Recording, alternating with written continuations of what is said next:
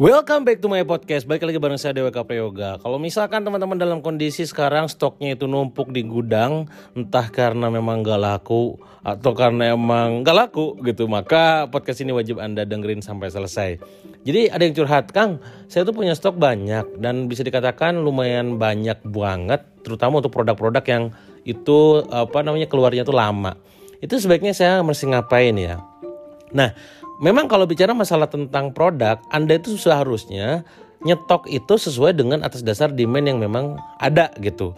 Jadi kita bikin forecasting terlebih dahulu, kira-kira sebulan itu demand produk tertentu tersebut itu berapa kira-kira.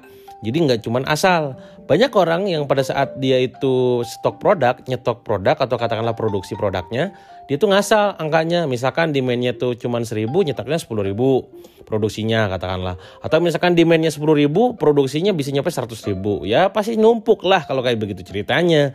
Nah termasuk dari segi pemilihan produk yang memang itu uh, fast moving ataupun yang enggak gitu. Nah yang fast moving pastinya adalah produknya nggak apa-apa dibanyakin ya nanti bisa kejual toh cepet gitu kan tiap bulannya.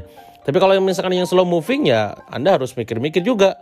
Oh berarti jangan terlalu banyak nih stoknya nih gitu. Jadi pertama adalah Anda perlu kategorikan juga mana produk-produk yang fast moving, mana mana mana produk yang memang slow moving gitu.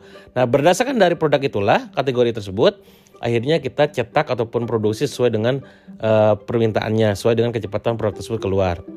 Itu pertama. Kedua, dari segi cash flow yang Anda miliki. Jadi kalau misalkan cash flow Anda itu memang cukup, ya udah main di produksi banyak juga gak jadi masalah.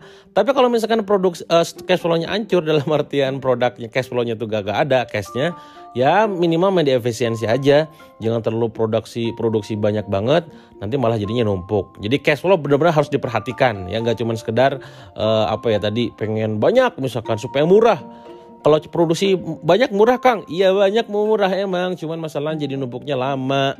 Nanti cash gap namanya. Cash gap itu adalah di mana duit Anda tuh bukan ada di cash di perusahaan tapi ada di produk. Hati-hati. Jadi pertimbangan cash flow harus diperhatikan juga. Ketika dari segi natural produknya, apakah produknya itu kadaluarsa atau enggak?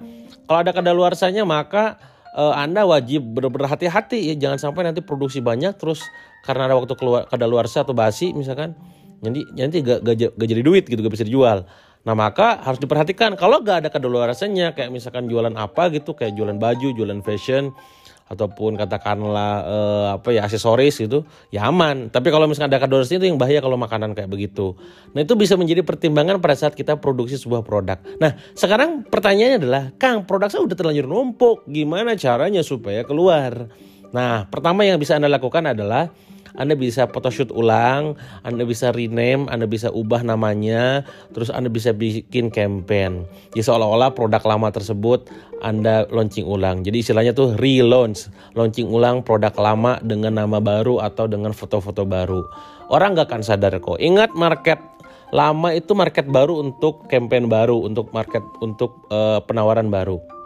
Jadi gak usah khawatir ah orang lain nanti ngiranya itu iya hanya sebagian orang saja yang akan aware. Mungkin anda pinter-pinternya anda bikin sebuah campaign photoshoot nama-nama dan segala macamnya itu.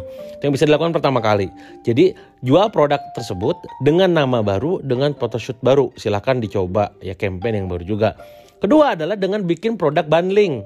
Misalkan ada produk penetrasi anda yang itu laris banget nah dibanding dengan produk yang susah keluar. Di mana harganya katakanlah kalau beli satuan itu lebih mahal kalau beli double gitu dibanding lebih murah jadi Anda kesannya tuh nggak nggak apa ya nggak nurunin value gitu di bundling. Nah itu yang bisa Anda lakukan kedua. Baru yang ketiga adalah jual diskon. Ya, nah ini yang biasanya mungkin orang lakukan cuci gudang dan segala macam. Cuman ini alternatif terakhir. Sekali lagi, Anda bisa lakukan dua alternatif sebelumnya dulu. Bisa relaunch dulu dengan konsep yang berbeda. Termasuk yang kedua bikin bundling dulu. Baru yang ketiga. Nah, dibuat diskon gede-gedean katakanlah.